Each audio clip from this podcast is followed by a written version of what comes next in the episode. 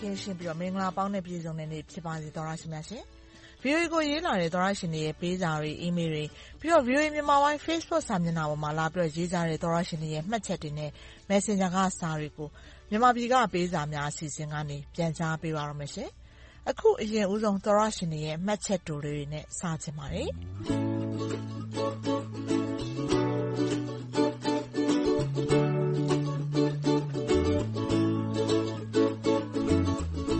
သန့်စင်ဆိုတဲ့ သောရရှင်က VOA ဝိုင်းတော်သားတွေအားလုံး စိတ်ချမ်းသာကိုယ်ကျန်းမာပါစေလို့ ပဏာမ ဆုတောင်းလိုက်ပါတယ်။ VOA ရဲ့ လူထုမိတ်ဆွေအစီအစဉ်ကို သဘောကျ နှစ်ခြိုက်ပါတယ်။မြန်မာနိုင်ငံက ပရိသတ်တွေဆီကို သတင်းမှန်တွေ ပို့ပေးနိုင်ဖို့ လူထုမိတ်ဆွေ အရောက်လာခဲ့ပါပြီလို့ ပြောတာ ပရိသတ်တွေကို အထူးဖန်ဆားနိုင်လို့ နှစ်ခြိုက်သဘောကျကြပါတယ်။အားလုံးဝမ်းသာလန်းဖြာကျန်းမာကြပါစေဆိုပြီး ဆုတောင်းပေးလာပါတယ်။ VOA က နာရီပတ်လုံး ထုတ်လွှင့်ပေးတဲ့ လူထုမိတ်ဆွေအစီအစဉ်ကို ဖမ်းယူအားပေးတဲ့အတွက် အထူးကျေးဇူးတင်ပါတယ်။ အန်နဲ့သောရရှင်တယောက်ကြံကြံဖန်ဖန်ရေးလာတာပါစာတိုလေးပါ။သူကမေးသနာကျော်တယ်မေးသနာကျော်အတန်ကရှေးပြဆက်မင်းသမီးအတန်နဲ့တူပြီးတော့ချိုသားပါတယ်တဲ့ဟုတ်ကဲ့အတန်ချိုသားတယ်ဆိုလို့ကျေးဇူးတင်ပါတယ်ရှေးပြဆက်မင်းသမီးဆိုလို့ဘလို့အတန်မျိုးလဲတော့ကျွန်မစဉ်းစားနေမိပါတယ်နော်နောက်ထပ်သောရရှင်ဖုံးမှုဆိုတဲ့သောရရှင်ကတော့မိုင်းထောင်ချီဝေးပေမဲ့လည်း VOA လေးလိုင်းကိုအစင်မြဲအဝေးကနေနားထောင်နေပါတယ်ဆိုပြီးတော့စာရေးလာတာပါမိုင်မောင်းထောင်ချီဝေးနေကြပေမဲ့လေထိုင်းကနေတဆင့်တိကျမှန်ကန်တဲ့သတင်းတွေကို နေ့စဉ် နားဆင်ခွင့်ရနေတဲ့အတွက် VOA သတင်းဌာနကို အထူးပဲ ကျေးဇူးတင်မိပါတယ်။အခုဆိုရင် နေ့စဉ် နံနက်တိုင်းလိုလို VOA ကို စောင့်မျှော် နားဆင်ရတာ အလေ့အကျင့်တခုလို ဖြစ်လာပါပြီ။ VOA က ထုတ်လွှင့်တဲ့ သတင်းတွေက သေချာပေါက် အတည်သတ်မှတ်လို့ရပြီး ဘက်လိုက်မှုမရှိ၊သိက္ခာရှိရှိ နှစ်ပေါင်းများစွာ ရပ်တည်လာခဲ့သော သတင်းဌာနကြီးနဲ့အတူ VOA အဖွဲ့သားတွေကို အထူးပင် ကျေးဇူးတင်ရှိတာ ထပ်ပြီး ပြောချင်ပါတယ်။မြန်မာပြည်သူတွေအတွက် သတင်းအမှန်တွေ နေ့စဉ် တင်ပြပေးနေတဲ့ VOA ဝိုင်းတော်သူ ဝိုင်းတော်သားများ စိတ်ချမ်းသာကိုယ်ကျန်းမာ လိုအင်ဆန္ဒပြည့်ဝကြပါစေလို့ အဝေးကနေ ဆုတောင်းပေးအပ်ပါတယ်ခင်ဗျာ။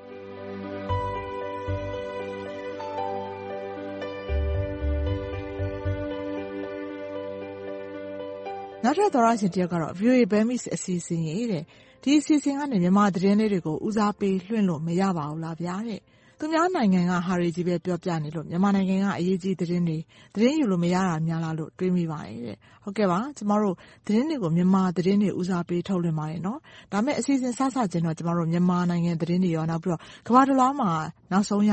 အရေးကြီးနေတဲ့သတင်းတွေအားလုံးကိုထုတ်လွှင့်ပေးတာဖြစ်ပါတယ်အဲ့ဒါသတင်းတို့ကဏ္ဍပါအဲ့ပြီးသွားတာနဲ့သတင်းပေးပို့ချက်တွေသတင်းဆောင်မတွေအကုန်လုံးကတော့အားလုံးလိုလိုမြန်မာလိုသတင်းတွေဖြစ်ပါတယ်နော်အဲ့ဒီနောက်ပိုင်းကျတော့မှမြန်မာနဲ့နိုင်ငံတကာအကြောင်းအရာမျိုးစုံကိုတင်ပြပေးထားတဲ့အပတ်စဉ်ကဏ္ဍတွေ ဖြစ်ပါတယ်ရှင်။နောက်ထပ်သောရရှင်တယောက် မေးလာတာ ရှိပါတယ်။မြန်မာပြည်က ပေးစာများကဏ္ဍအတွက်ပါတဲ့။ VOA အဖွဲ့သားတွေအားလုံး မင်္ဂလာပေါင်းနဲ့ ပြည့်စုံကြပါစေ။မဲကနာကျော်ကြီးကိုကျော်ကျော်သိန်းက VOA က အနားယူသွားတာလားတဲ့။တခြားဌာနတစ်ခုအတန်လွှင့်နေတာ တွေးလိုက်ရလို့ပါ။ VOA အတန်လွှင့်ဌာန တိုးတက်ပါစေတဲ့။ဟုတ်ကဲ့ပါ ကိုကျော်ကျော်သိန်း အလုပ်ကနေ အနားယူသွားပါတယ်ရှင်။တခြားသောရရှင်တွေမေးလို့ ပြီးခဲ့တဲ့ စာတစ်စောင်းနှစ်စောင်းမှလည်း ကျွန်မပြန်ကြားပေးပူပါတယ်နော်။အဲ့ဒါ မကြားလိုက်ဘူး ထင်ပါတယ်။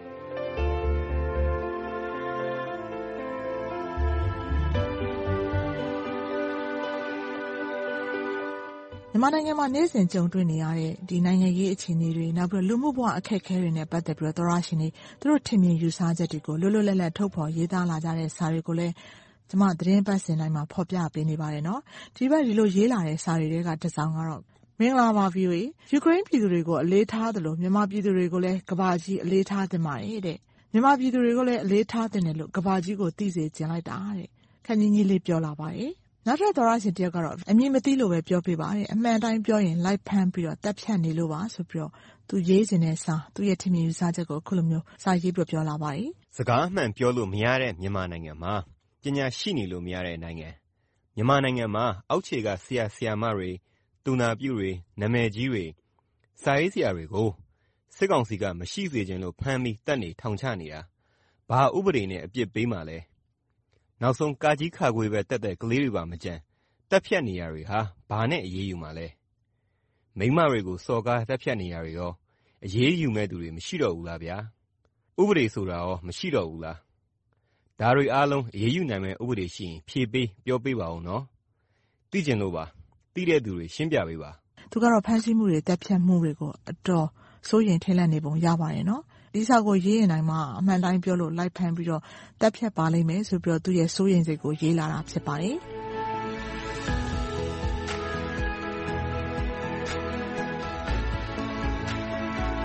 မြန်မာနိုင်ငံရန်ကုန်မြို့မှာကြုံတွေ့နေရတဲ့နေ့စဉ်လူထုရဲ့လုံခြုံရေးအခက်အခဲနဲ့ပတ်သက်ပြီးရေးလာတဲ့သောတရှင်နောက်တယောက်ရဲ့စာကိုလည်းဆက်ပြီးဖော်ပြပေးချင်ပါတယ်။ဒီသောတရှင်ကလည်းကျေးဇူးပြုတော့အကောင့်နာမည်မဖော်ပြဖို့အထူးမေတ္တာရပ်ခံပါသည်ဆိုပြီးတော့အခုလိုရေးလာပါတယ်။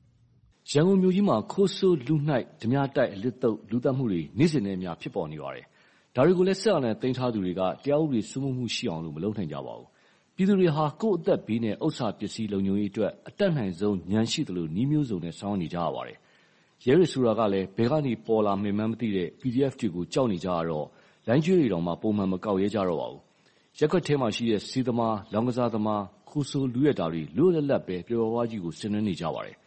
အခိုးခံရလို့ သူခိုးမိလို့ ပညာပေးလွှတ်လို့ကလည်း မဖြစ်ဘူး။လုံးဝ မယုံကြည်ရပါဘူး။အကြိမ်ကြိမ် ထောင်ထွက်တွေ ပညာပေးလွှတ်လိုက်လို့ နောက် ပြည်သူတွေရဲ့ အသက်အိုးအိမ်စည်းစိမ် ဥစ္စာပစ္စည်းတွေအတွက် မလုံခြုံ စိတ်မချရတော့ပါဘူး။ပြည်သူတွေ ဝိုင်းရိုက်နှက်ရအောင်လည်း ဥပဒေနဲ့ မညီသလို သေသွားတော့မှ ပိုဆိုး ဒုက္ခရောက်ကုန်ကြပါမယ်။ဒါကြောင့် မဖြစ်မနေ သက်ဆိုင်ရာ နယ်မြေခံရဲတွေကို အကြောင်းကြား အပ်နှံရပါတယ်။ဒါကို ရပ်ကွက်ထဲက ဆေးသမား၊လောင်းကစားသမား၊သူခိုး၊မူးယစ်ရမ်းကားသူတွေက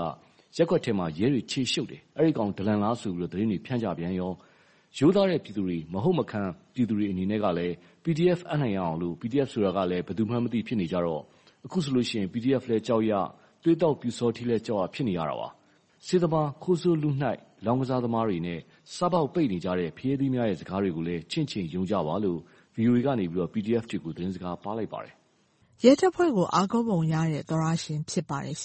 ဟုတ်ပါတယ်။ နိုင်ငံတနိုင်ငံမှာ သာမန်အချိန်ဆိုရင်တော့ တိုင်းပြည်တွင်း တရားဥပဒေစိုးမိုးမှုက တရားဝင်ခန့်အပ်ထားတဲ့ ရဲတပ်ဖွဲ့က ကြီးကြပ်ရတာ ဖြစ်ပါတယ် ဒါပေမဲ့လည်းမြန်မာနိုင်ငံရဲ့ လက်ရှိအခြေအနေကတော့ နိုင်ငံတကာ တရားဥပဒေအဖွဲ့အစည်းတွေ ဝေဖန်ထားတဲ့အတိုင်းပဲ တရားဥပဒေစိုးမိုးမှု မရှိတဲ့ကာလ ဖြစ်နေလို့ တရားဥပဒေကို ဘယ်သူဘယ်လို စောင့်ကြပ်နေလဲဆိုတာ အတော်ကိုစဉ်းစားရကျပ်တဲ့ အနေအထား ရှိနေပါတယ်။ဘာပဲပြောပြော တာဝန်ရယ်လို့ သတ်မှတ်ချက်အတိုင်းဆိုရင်တော့ နိုင်ငံတော်အာဏာကိုစွဲကိုင်ထားတဲ့သူတွေမှာ အပြည့်အဝ တာဝန်ရှိတာ ဖြစ်ပါတယ်ရှင်။ သောတရှင်တွေရဲ့ပေးစာတွေကိုဒီတပတ်ဒီမှာတင်ရက်ချင်ပါတယ်ရှင်။အားလုံးအတွက်ပိုမိုကောင်းမွန်အဆင်ပြေတဲ့နေ့သစ်တွေမကြာခင်ရရှိပါစေလို့တောင်းဆုပြုမိပါတယ်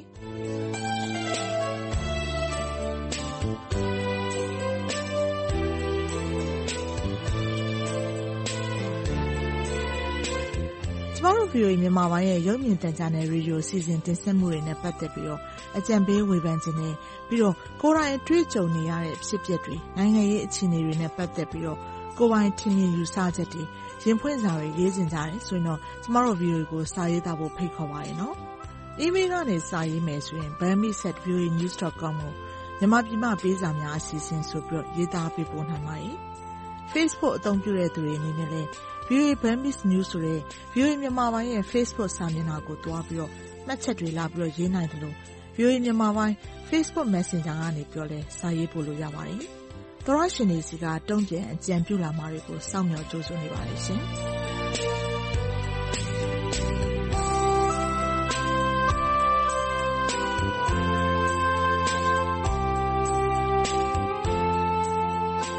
မြန်မာနိုင်ငံနဲ့နိုင်ငံတကာကရေးသားပေးပို့လာတဲ့ VOA မြန်မာပိုင်းသောရရှင်တွေရဲ့ဝေဖန်အကြံပေးစာတွေရင်ဖွင့်စာတွေနဲ့ဒေသချင်းတောင်းလွှာတွေကိုတနင်္ဂနွေနေ့ညပိုင်းနဲ့တနင်္လာနေ့မနက်ပိုင်းအချိန်တွေမှာမြန်မာပြည်ကပေးစာများအစီအစဉ်ကနေထုတ်လွှင့်တင်ဆက်ပေးနေပါတယ်။ရေဒီယိုကနေဖမ်းယူနားဆင်နိုင်တဲ့အပြင်ရုပ်မြင်သံကြားကနေပြီးတော့လည်းထုတ်လွှင့်ပေးနေသလို VOA မြန်မာပိုင်း Facebook စာမျက်နှာနဲ့ YouTube စာမျက်နှာတို့ကနေပြီးတော့လည်းထုတ်လွှင့်ခြင်းနဲ့တပြိုင်နက်တည်းတိုက်ရိုက်နားဆင်နိုင်ပါတယ်။ လွှင့်ထုတ်ပေးခဲ့ပြီးတဲ့ အစီအစဉ်တွေကို Facebook နဲ့ YouTube ပေါ်မှာ ပြန်ပြီးတော့ နားထောင်နိုင်သလို VOA Internet စာမျက်နှာနဲ့ ဖုန်းပေါ်က VOA App တွေမှာလည်းတွားပြီးတော့ နားထောင်ကြည့်ရှုနိုင်ပါတယ်။ကျမတို့ရဲ့ VOA app နာမည်က VOA Burmese ဖြစ်ပါတယ်။ကျမတို့ရဲ့ internet စာမျက်နှာလိပ်စာက burmese.voanews.com ဖြစ်ပါတယ်။ကျမ အေးသနာကျော်ပါ။ VOA ကိုလည်း စာရေးကြပါအောင်နော်။သောရရှင်တွေအားလုံး ဘေးအန္တရာယ်ကင်းရှင်း ရွှင်လန်းချမ်းမြေ့ကြပါစေရှင်။